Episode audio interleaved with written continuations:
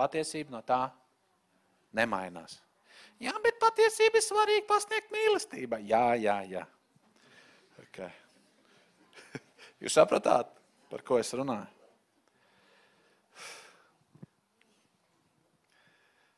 Es ceru, ka kāds saprot, par ko es runāju. Vai nu arī tas kungs ir kļūdījies, izvēloties man pa savu vārdu nesēju. Teica tie, kuriem tēvs bija noskūt vajag. Bet jūs man patīkāt. Svarīga piesīme, brāļa māsa, ir tāda, lai cik svarīga nav ik viena individuālā jūsu vai mana glābšana. Tomēr tas nav Dieva galamērķis. Galamērķis ir nevis individuāls Dieva cilvēks, bet Dieva tauta. Ja tu gribi izdzīvot daļēji Dieva plānu, tad paliec pie plāna es un Jēzus. Ja tu gribi izdzīvot Dieva pilnvērtīgu plānu, tad paliec pie Dieva plāna mūsu Tēvs debesīs. Nevis mans Tēvs debesīs. Mana kalpošana, manas dāvanas, mans viedoklis. Ja? Kāds atpazīst sev, tāpēc smējās? Tas ir labi. Tas ir labi. Ziniet, 20 gadus atpakaļ. Ar visu to, cik es esmu unikāls. Es rādu unikāls. Un es esmu unikāls. Un tu esi unikāls. Tu neesi tik unikāls kā es. Tu esi tik unikāls kā tu. Man Dievs atklāja vienu lietu. Pauli, tev ir vajadzīgi citi ticīgie. Un tu, paldies Dievam, esi vajadzīgs arī viņiem. Ziniet, man tā bija atklāsme. Jo es biju pieredzējis tikt diezgan labi arī viens ar daudz ko galā. Pašpietiekams. Un tad, kad mēs saprotam, ka Dieva galvenmērķis ir nevis individuāls Dieva cilvēks, bet Dieva tauta, ļoti viegli būs vieglāk mainīt domāšanu kalpošanā Dievam.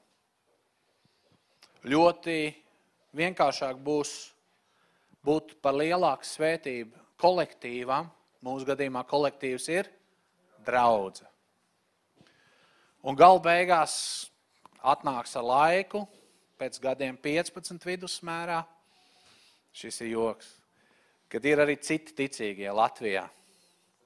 Dažās draudzēs tas ir šoks, jo tur ir tik interesanti mācītāji, ka viņi ir radījuši apzināti vai neapzināti. Apzināti vai neapzināti. Sadarbojoties ar vēlnu, vai viņus kāds tā ir iemācījis, bet viņi ir radījuši, ka šīs četras sienas ir debesu valstības krēms. Top. Izies ārā tu esi zudis. Ne jau draudzē, valstībai. Kāds ir bijis tādā draudzē? Es esmu. Es esmu bijis. Ļoti kontrolējošs, manipulatīvs un ar burvestības garu pārņemts draudzes.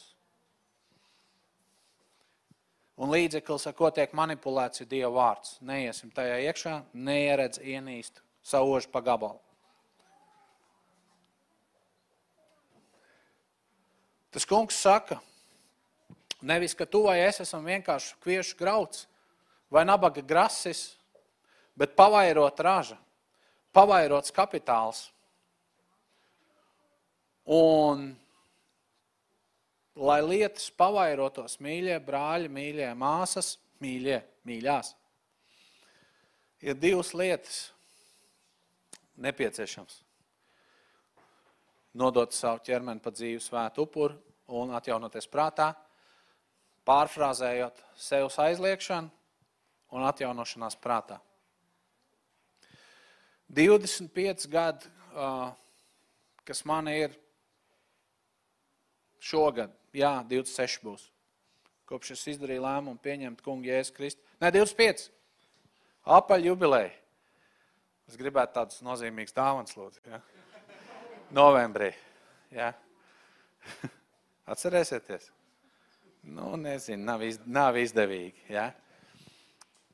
Es esmu redzējis, ka cilvēki ir draudzē ar labām sirdēm. Uh, visādi cilvēki ir draudzē.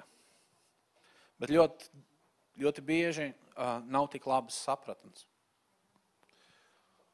Un, ja nenotiek atjaunošanās prātā, tad cilvēks it kā ir glābts. Nevis it kā, bet viņš ir glābts. Bet viņš, Dievs nepārvalda viņu prātu. Un nekas ļoti daudz atšķirīgāks kā pasaule nav tad arī draudzē. Kāds lūdzu pasaka skumju, bet patiesu. Āmen. Kāds reiz teica šādus vārdus. Mūsdienu kristietībā pamatu uzmanība ir vērsta uz atsevišķu ticīgo un viņa attiecībām ar Dievu. Bet Dieva galvenmērķis tomēr ir īpaša tauta. Dieva tauta, Dieva tautas mērķi, Dieva plāni, Dieva skatījums par to, ko mēs varam paveikt kopā, ir kaut kas daudz, daudz, daudz lielāks nekā tikai es un Jēzus. Saprotiet, līdz ko ticīgais cilvēks saprot, viņš jau Dieva redzējumu vienā daļā domā, viņš jau sāk domāt kā Dievs. Un tas maina cilvēku skatījumu uz lietām. Viņš dod viņam plašāku uh, skatījumu, pašaizliedzību. Un šis cilvēks ar atjaunotu domāšanu saistībā par draudzi nav fokusēts uz vienu puzles gabaliņu, bet viņš grib saprast, kāda tad ir, kāda tad puzle izskatās kopā. Amen? Viens puzles gabaliņš, tas esi tu. Otrs, tas esmu es. Trešais, kāds no jums. Un jo vairāk mēs sanākam kopā, jo vairāk mēs esam vienā prātā, vienā domā, jo vairāk mēs varam piedzīvot Dieva plānu savai un draudzes dzīvei. Kāds ir Dieva redzējums par savu īpašo tautu? Man, pie, man patīk, ka Oskars pieminēja notikums Efezā. Un pēc tam uh, Kaspars slavēšanas vienā no beigu daļām lūdza pieminot lietas, kas ir vēstulē Efeziešiem.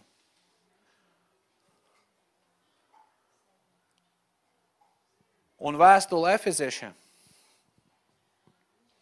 iespējams ir labākā Bībeles grāmata, kura koncentrētā veidā ir aprakstīts par to, kas ir draudze, kādi ir tās mērķi un uzdevumi.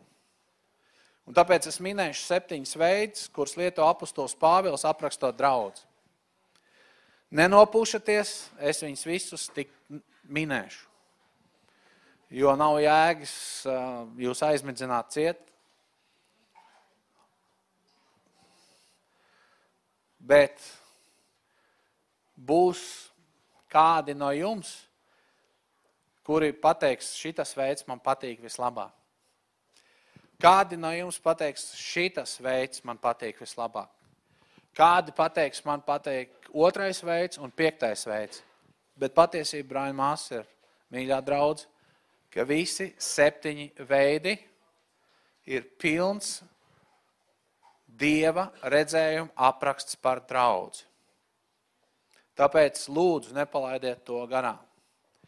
Pirmais veids, kā Dievs redz draudzi, ir eklēsija, jeb eklezija.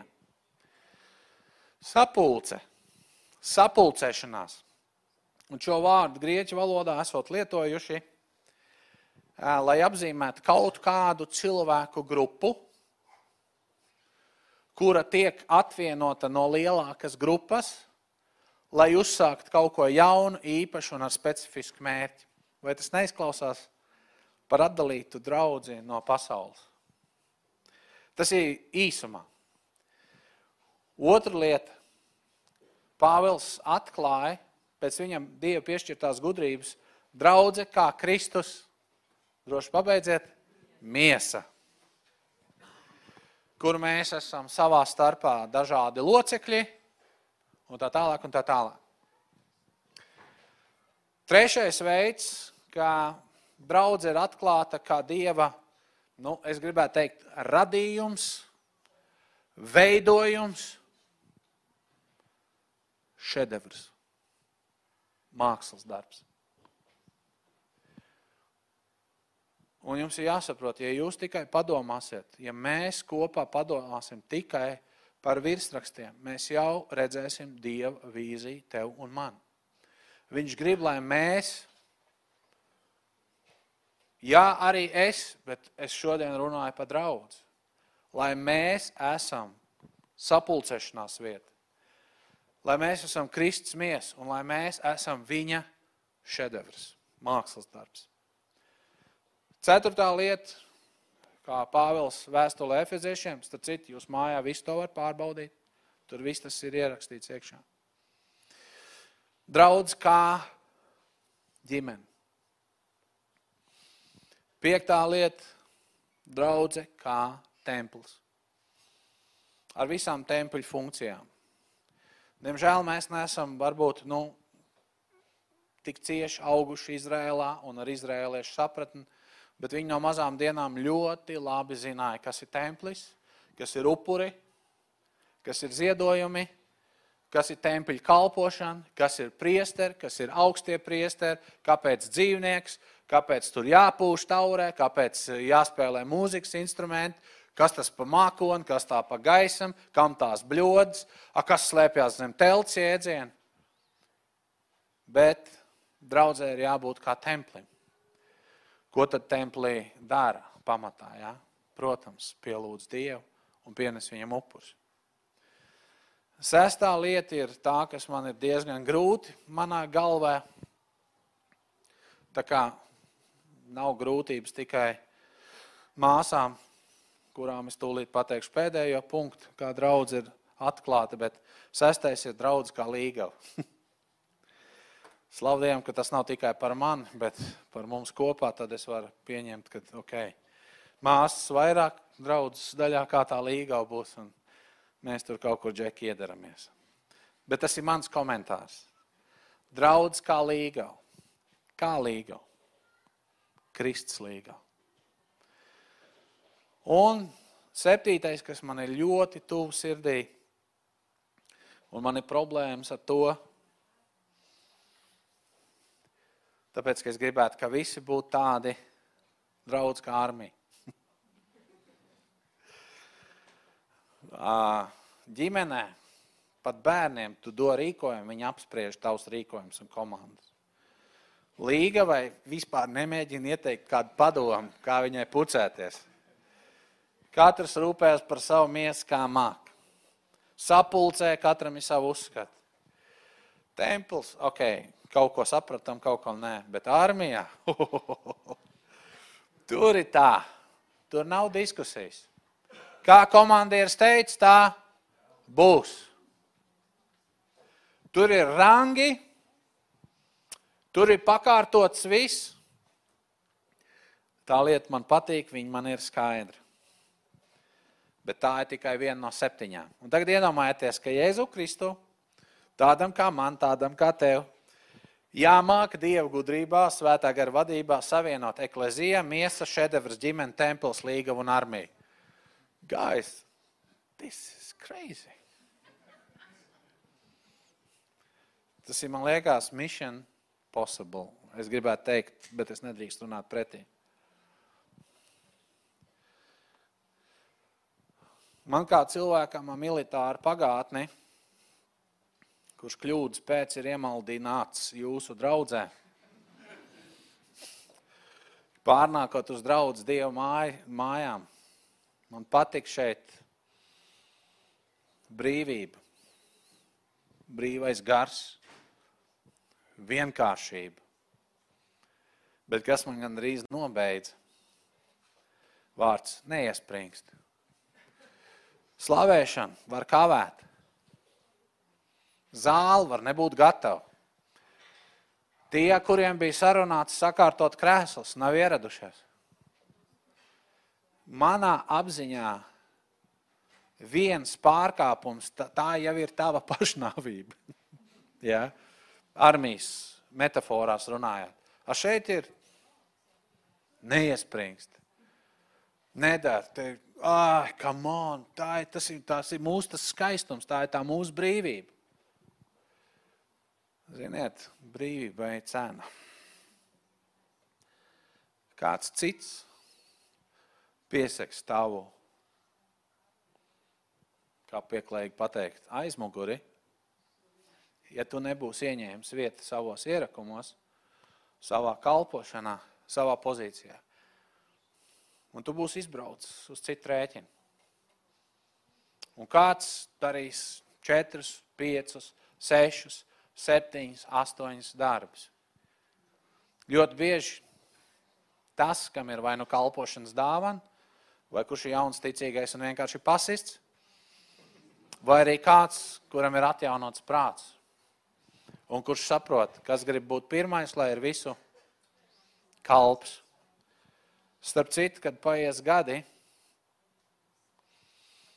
tu gribēsi būt visu kalps, un tu pat negribēsi vairs būt pirmais. Tas tā.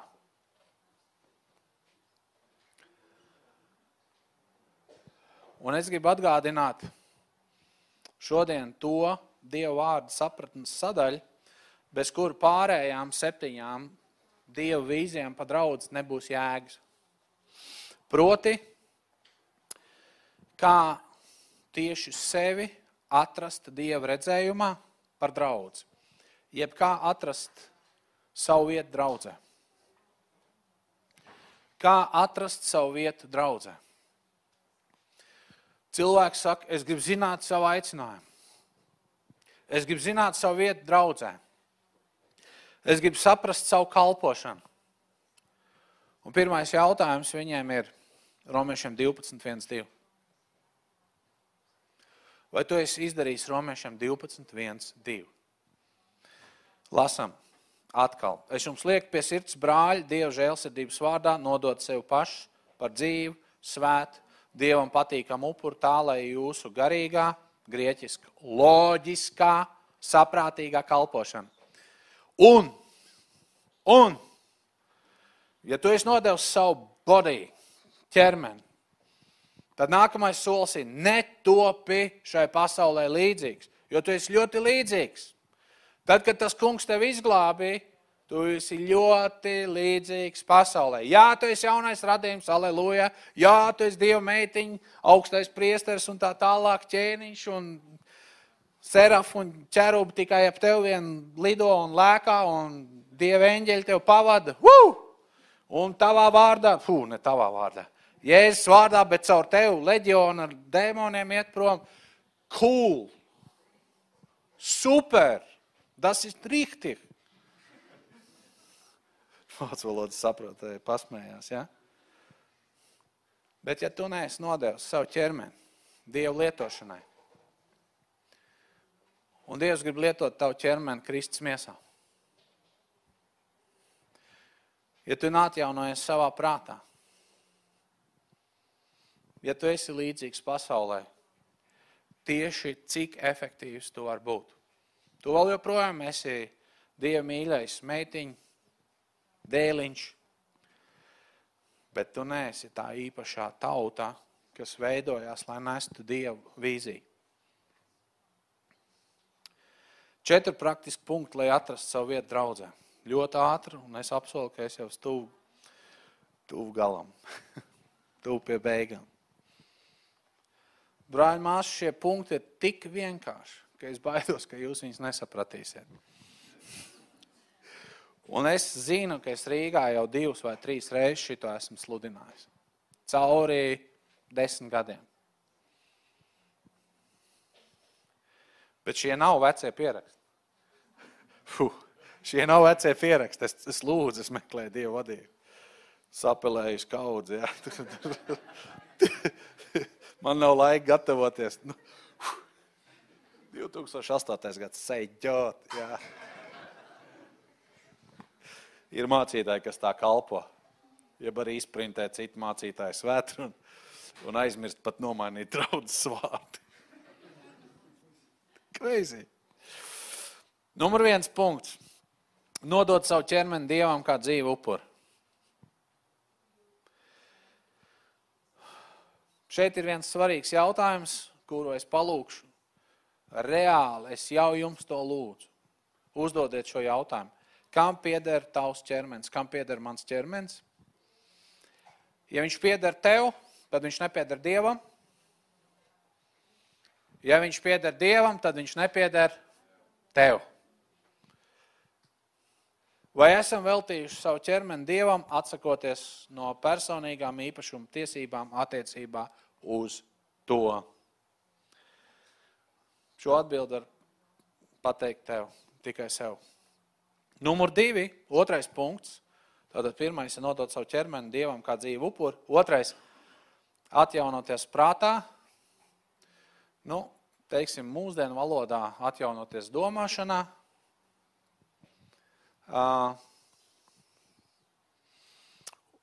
atjaunoties, atjaunot domāšanas veidu. Man patīk gados vecāki cilvēki. Man vienmēr viņi ir patikuši. Čo tā nedzird pensionārs gavilēja. Ja? Un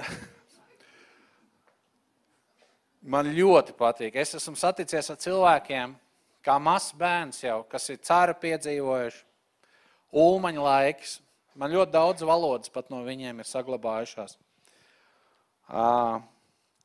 Un es esmu daudz ar viņiem runājis. Un viens, nu jau arī vecāks cilvēks ir mana mamma. Kad viņi kustās garā,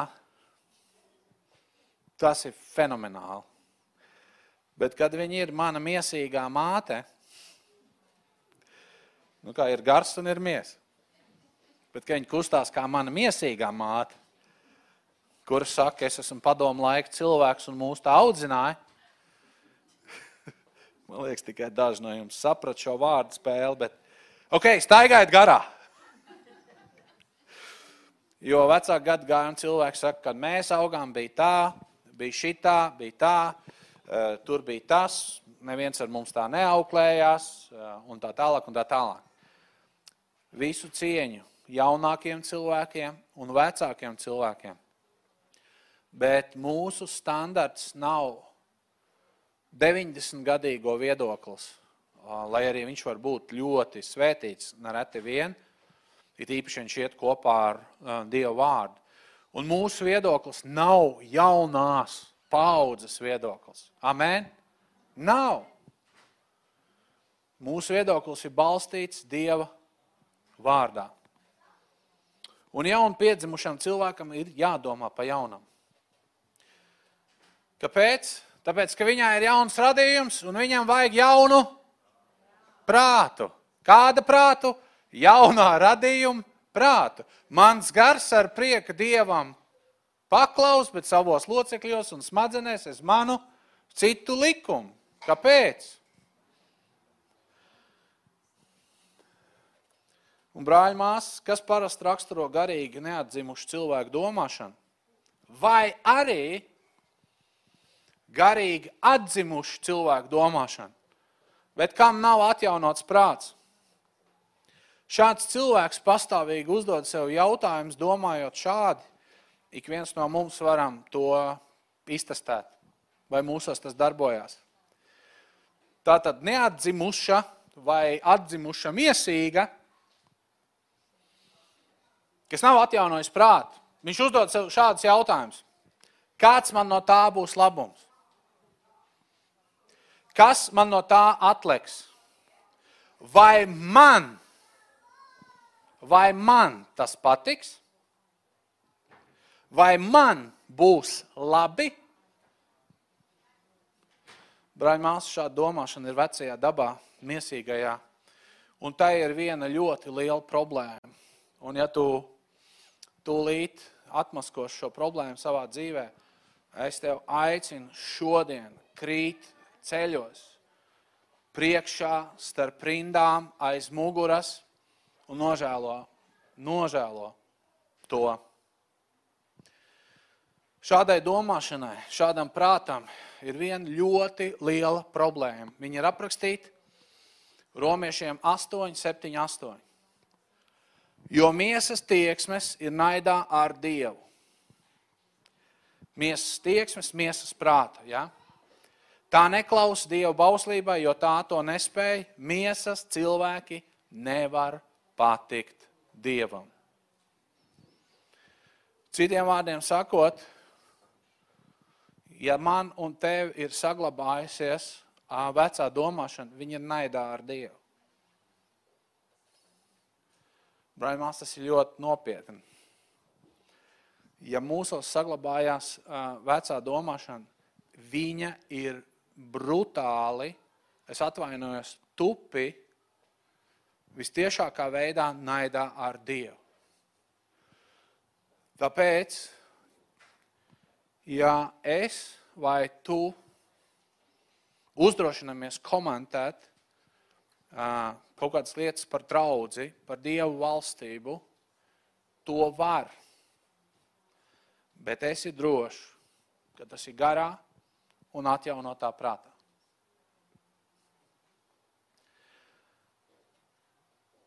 Trešā lieta, lai atrastu savu vietu draudzē, iepazīsti Dievu gribu.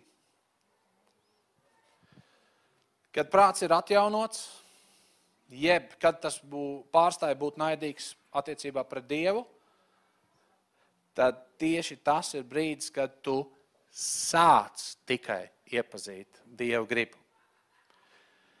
Šo gribu iepazīstot, tavs prāts sāk kļūt atvērts uz viņu.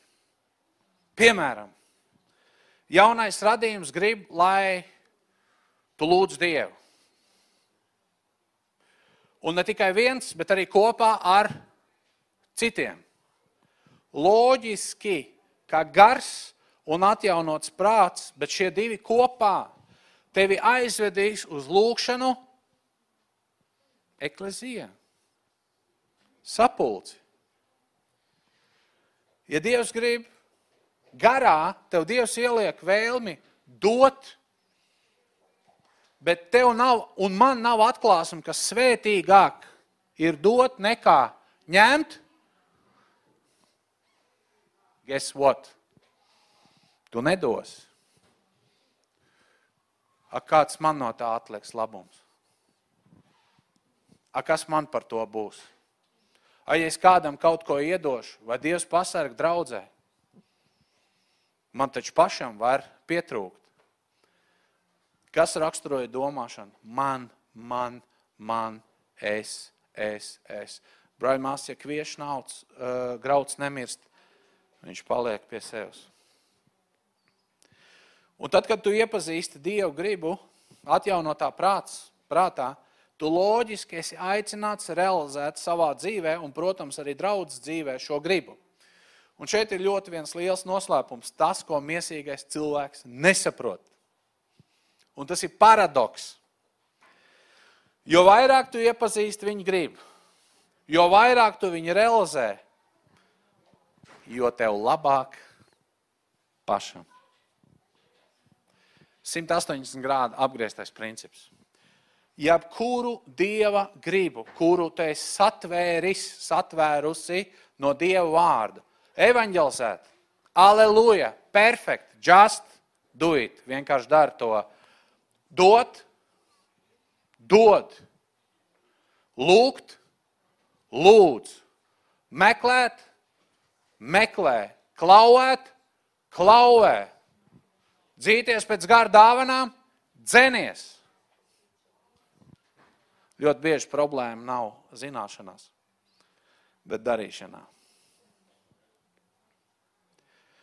Un, zini, viss, es ļoti centos secīgi stāstīt šo Dievu plānu. Jo, ja kaut kas tajā tiks secībā izjaukts, izjuks visa loģiskā dievkalpošanas ķēde. Ir cilvēki, gadus atpakaļ, paldies, kungs. Gadus atpakaļ Dieva mājas draudzes sākumā Liepājā pie mums uz lūkšanu vakariem sāk nākt kāds vīrs krietni vecāks par mani, par mums visiem jauniem zaļajiem gurķiem, kas tur bijām.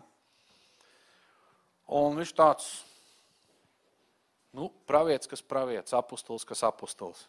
vizuāli. Viņš vēl tādā maisaudumā staigāja, joks. Okay. ja? Tā cienīgi uzpucējies, un tā bola acis pa labi un pa kreisi izgriezis krūti. Tā. Nu, cienīgi. Nu, ko mēs, mēs tādi vienkārši Dieva bērni, naivi.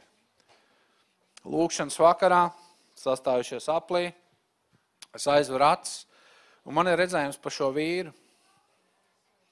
Man ir redzējums par šo vīru. Nu, man tās dāvanas tā strādā. Es redzu, un es zinu, ka tas ir par viņu. Es viņam to neteicu. Kad uh, caur draudzes sienu līdz, līdz šejienai ienāk tāds bifeļu tēls.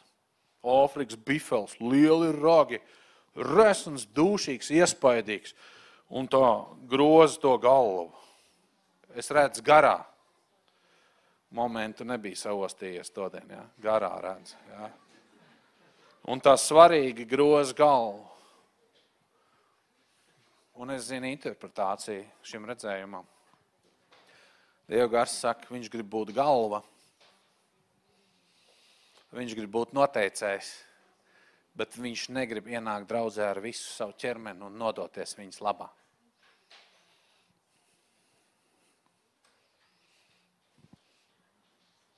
Viens redzējums, man daudz kas rakstīts vārdā, iet tas kopā ar Dievu vārdu.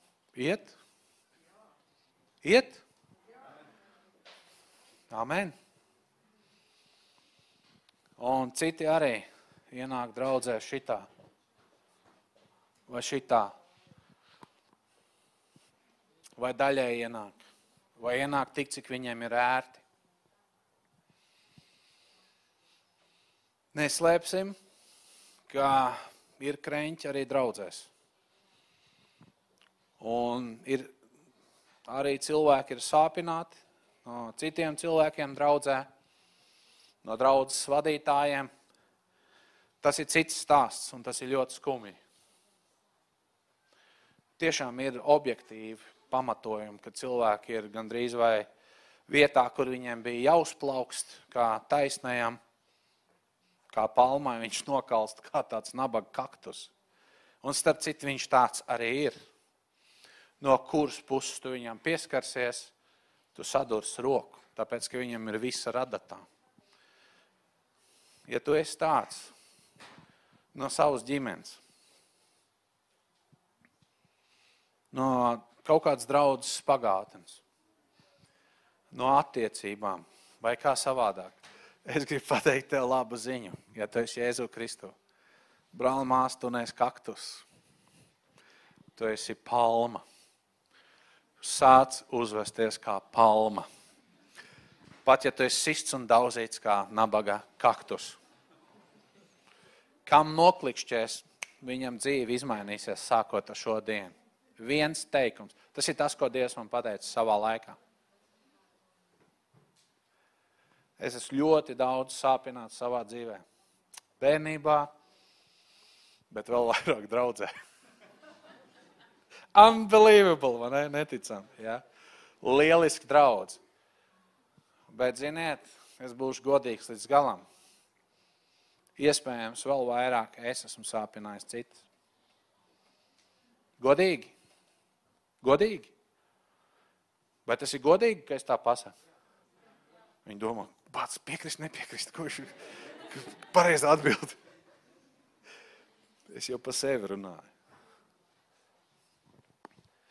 Un tad, kad tu godīgi spēj atzīst, ka arī tu esi citus sāpinājis, tad ir vieglāk piedot. Tad ir vieglāk piedot. Jo parasti sāpinātām cilvēkām Viņam ir tendence ļoti sāsināt, uztvert lietas. Uztverē un pēc tam komunikācijā. Beigsim būt par kaktusiem. Tie jau arī aug tuksnesī, bet viņi nezaļo kā palmas. Ja? Zaļo, zaļo, es zinu, botānikā bija 5, 10. Okay, vecajā valodā. Ja? Okay. Tad, kad tu atjaunojies savā prātā, zini, ko tavs prāts sāk teikt tev galvā. Tu sāc dzirdēt tādu labu balsi. tev kāda balss galvā saka, Dieva griba tev ir laba, tīkama un pilnīga. Amen. Respektīvi, tavs prāts beidzot saka, ej, Dieva griba tev ir laba. Beidz ķildoties ar viņu. Dieva gribu nemaz nav tik grūti pieņemt, jo viņi ir patīkami. Grūti ir pieņemt nepatīkams lietas, bet patīkams lietas ir viegli pieņemt. Un visbeidzot, kad tu saproti, ka viņi ir laba, ka viņi ir tīkuma, tīkama, tu pārstāji pūst, vaidēt, un tu nespēji savu dzīvi iedomāties vispār kā kaut ko citu, kā dzīvot Dieva gribai. Un tas ir, tas ir tas perfektais Dieva skatījums par mums. Numur četri, pēdējais pāns. Pa tiem kaktusiem man bija novīras, bet varbūt kādam bija vajadzīgs. Kādam bija vajadzīgs? Jā, tas atzinās. Ir te kāds kaktus? Ir. Okay. Bija. Bija. Palmas arī ir. Jā, priedis, ēglis, kadiķi. Jā.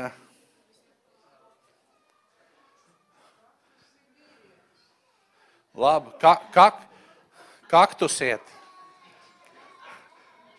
Kaktuse? Nu kā? Kā? Palma. Okay. A kā sieviešu dzimtē pateikt kaktusiet, jeb kaktus? Ziniet, kāpēc jums nav? Vēl jāatjaunojas prātā. jo, ja jūs uh, būtu atjaunojis, jūs piekrist, ka es sludinu labi, tīkam un pilnīgi. Labi, labi, labi, labi, labi. Ceturtais punkts. Kā saka, jau pirmie trīs tev piebeidz, tad šeit mēs tev sadalīsim gabalos. Ceturtais punkts, lai tu atrastu Dievu gribu savai dzīvē. Jēzus Kristus vārdā, svēto rakstu gaismā un veselā saprāta apelējot pie visiem šiem, atsakies no sava individuālisma. Atsakies no sava individuālisma. Es varu mēģināt izsist no tevis tavu individualitāti tu no manis.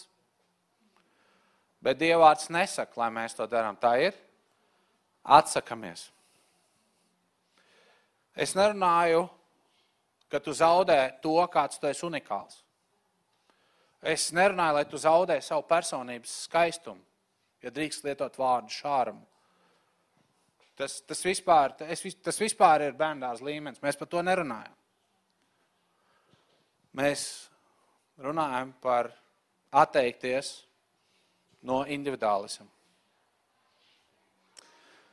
Dereks Prins reiz sacīja, ka viņaprāt viena no svarīgākajām lietām, kuru uzsver svētais gars, lai kristieši atsakās no savas agresīvā, no sava agresīvā individuālisma un savas negatīvās attieksmes pret citiem ticīgajiem. Broļmās tas ne, nevienmēr ir tik vienkārši. Jo mēs viens otru miesā mēdzam provocēt. Pa to raksta Pāvils, jā, vēstulē galatiešiem. Ja jūs, esat, ja jūs staigājat miesā, jūs viens otru, es jūs provocēju, jūs provocējat mani. Mēs esam par apgrēcību viens otram. Bet ja mēs staigājam garā, tad gars ir uz mieru, uz savstarpēju harmoniju. Bet miesas prāts un gara vadība vienmēr būs klajā naidā. Gars nekad nesamierināsies ar vecā, kritušā, filozofiskā, pasaulīgā cilvēku uzvedību, domāšanu un standartiem. Gars vienīgais, ar ko viņš samierināsies, ko viņš atzīs, uz ko viņš spiedīs miera zīmogu, uz ko viņš spiedīs žēlastības zīmogu. Ja tu esi padevīgs, pazemīgs, lēnprātīgs, un tev ir labs skatījums par Dievu plānu. Un atteik, atteikties no tā agresīvā individuālisma un negatīvās attieksmes pret citiem ticīgiem, ja tu esi pamanījis, ka tev tas ir bijis subjektīvi iemeslu dēļ, objektīvi iemeslu dēļ, vienalga, man un tev no tā ir jāatsakās. Šeit jūs droši un priecīgi varat teikt, āmēn. Pacelāt pilnīgi tāda brīvība nāk iekšā, vai ne? Matei 12, 25 saka tādas vārdas. Ik viena valsts, kurā iekšējais naids aiziet bojā, un neviena pilsēta vai nams, kurā iekšējais naids nevar pastāvēt. Kas ir draudz? Dieva nams. Dieva templis. Kas tu esi, Miķel, kā individuālais cilvēks? Dieva nams. Ik viens cilvēks savā būtībā ir kā nams. Un ja tavā namā ir konflikti, iekšēji konflikti, iekšējas pretrunas, nemiers, Dievs pasaka, tur vēl kāds dēmons ir iemitinājies, kas ir ļoti ticami, jo viņiem patīk tādas neforšas vietas. Tu nevar pastāvēt. Indivīds nevar pastāvēt, ģimene nevar pastāvēt, draudz nevar pastāvēt, Dieva tauta nevar pastāvēt. Mēs ik viens varam dzīvot savu dzīvi individuāli, neveltot laiku, resursus un pats galvenais sirdi, lai piepildītu Kristus likumu. Galatiesiem 6.2. Nesiet cits cita nastas, tā jūs piepildīsiet Kristus likumu. Mēs saprotam, ka katram ir jāņem savu vietu Kristus draudzē. Bet mums ir arī jāmācās nest viens otru nastas. Un nepārprotiet, lūdzu, mani perfekcionisti. Es dzīvotu ilūzijās, ja es tagad paņemtu burts burtā un pateikt, aleluja, no šodienas mēs tā dzīvosim. Un patiesību sakot, jau desmit gadus atpakaļ tā vajadzēja būt. Tā nav. Bet mums vajag būt vismaz ceļā uz to Ideālā gadījumā, jo vairāk mēs esam tuvāk tam klāt, un ik viens to dara, jo superīgāk draudz ir. Amen. Un ļauj man te uzdot jautājumu. Kādā draudzē tu gribētu būt? Superīgā draudzē, vidēji superīgā, vai, vai draudzē, uz kur tev negribās attaicināt nevienu paziņu? Ir kādam bijusi tāda situācija dzīvēm? Jā, nu labi, necel rokas. Man ir bijis. Man ir bijis, kad es vairs negribu aicināt draugus uz savu draugu. Švilpiena akmeņi, fū, es uz saliet, es nerunāju par Dievu mājām. Jā, bet ir radusies tāda situācija manā dzīvē. Tas ir drausmīgi. Brāļmās, um, mums ir jānes uh, viena otra nastas. Dievs to tā ir paredzējis. Protams, ka Jēzus ir nastu novēlējis. Un tomēr, lai mēs varētu nest viens otru nastas, pa viņām ir jāzina. Nu, pēc manas pieredzes visvairāk zina par nastām, cilvēku nastām, nu, ja viss ir normāli, draudzes vadītājs. Un tas ir ok. Bet tur taču ir rakstīts, nesiet cits cita nastas. Bet, lai nast, nasts ir nastu tam, kam tā sirds ir nospiest, viņam ir jādalās ar to. Lai viņš gribētu ar to dalīties, viņam ir jābūt feelingam, sajūtai iekšā, ka tev var, ka tev var ko? Āmēn, ka tev var uzticēties, ka tu nenodosi. Un kaut tā būtu bet mēs esam ceļā uz to. No simts gadījumiem, ko man cilvēki ir ārkārtīgi delikātas lietas uzticējuši, es esmu izpļāpājis tikai pa 80. Es gribēju, lai jūs pamostaties. Labrīt! Jā. Un, un man labāk ir neusticēt lietas. Nē, nē, nē, tā nav. Tā nav. Piedod, kungs. Jā. Tā nav. Brāļi, māsas, esiet tādi, kam var uzticēties. Bet, nu, ja tev ir diži smagas nastas, nē, pie akurāta bērna. Jā, nē, pie vīra, kas nevar savu mēlu savaldīt, vai pie sievas, kas trin mēlu un kas ir no Atēnām. Jā. Neviens nesmējās. Jūs zināt, kas atēniešiem bija? Viņiem rūpēja, ka ar vienu kaut ko, neviens šeit nav no Atēnām, ka tik kaut ko jaunu parunāt. Nu, ir atēnieši šeit. Īpaši lūkšana būs par jums šodien. Svaidīšu mēli jums ar sinepēm. Un mašīnēļi. Dievs, uzsmērēs sineps mums uz mutes. Arī man, kad vajag.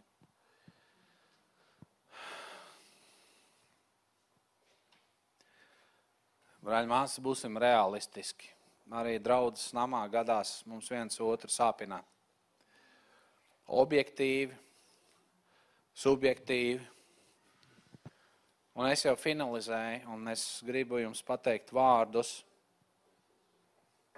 ko man Dievs, es, es, es šoreiz gribētu lietot vārdu, ko man Dievs atklāja. Es ticu, ka tas kungs tā runāja. Protams, izvērtējiet. Uh, Jā, man darīšana ir pateikt. Lūdzu, neuzķerieties uz provokācijām, demoniskām. Vēlns centīsies, viņš cenšas ienest nemieru. Un zinot to, kas kuram sāp un uz ko viņš uzķerās, tāda esmu viņš izliks. Ja tā ir vientulība, kas ir drausmīgi, ellīga sajūta. Es nepārteicos, tā ir briesmīga sajūta. Tad viņš sitīs tev par to, teiks, ka tu šeit neiedaries, tu neiedaries tur, tu neiedaries nekur. Un varbūt dēmoni tev čukstēs, ka labāk tu nebūtu piedzimis, piedzimusi. Tā ir provokācija. Ja tev skanēs balss, ka šeit visiem viss ir labi, Tikai tu esi tāds nabaks un stulbs un neizdevies. Brāļa māsas, tā ir provokācija. Lūdzu, nesadarbojies ar ienaidnieku. Ja tev skanēs galvā balss, es vienīgais kaut ko saprotu, un es vienīgais kalpoju, brāļa māsas, tā ir provokācija. Neuzķerieties! Ja tev skan balss galvā, tev nekad nekas neizdosies, tu nekam nedari, tu esi nevērtīgs, tu esi nevērtīga, tu esi stulbs, ej prom, met mieru, nekam nav jēga, padodies. Brāļ, māsas, neuzķerieties, tā ir. Es esmu ievērojis, ka cilvēki Es Bībeles studijās tagad mācu, kā atpazīt vēlnu uzbrukums. Un es esmu ievērojis 25 manas kristietības gadu garumā, ka ļoti retais cilvēks atpazīst sātanu uzbrukums. Ja viņš nākt kā lauva rūcošu, tad to ir diezgan viegli atpazīt. Ja viņš nāk virsū kā ījabam, kā ījabam nāca virsū, no ziemeļiem, no dienvidiem, no austrumiem, no rietumiem, kad tev sit no visām četrām debes pusēm, tā ir droša zīme, ka tas ir sātans. Bet kad viņš atnāk kā čūsk pie tevis un saka, vai tad tiešām Dievs teica, ka, tev, ka tu nevarēsi no šī koka? Vai tad tiešām nav alternatīvas kā tikai seksa laulībā? Vai tiešām nevar pats izdomāt krūtāk kalpošanu nekā tas garlaicīgais runātājs tur priekšā tev stāst? Anyway.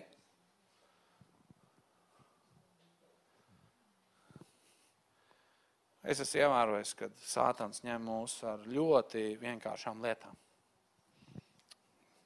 Vislielākā ir mazvērtība,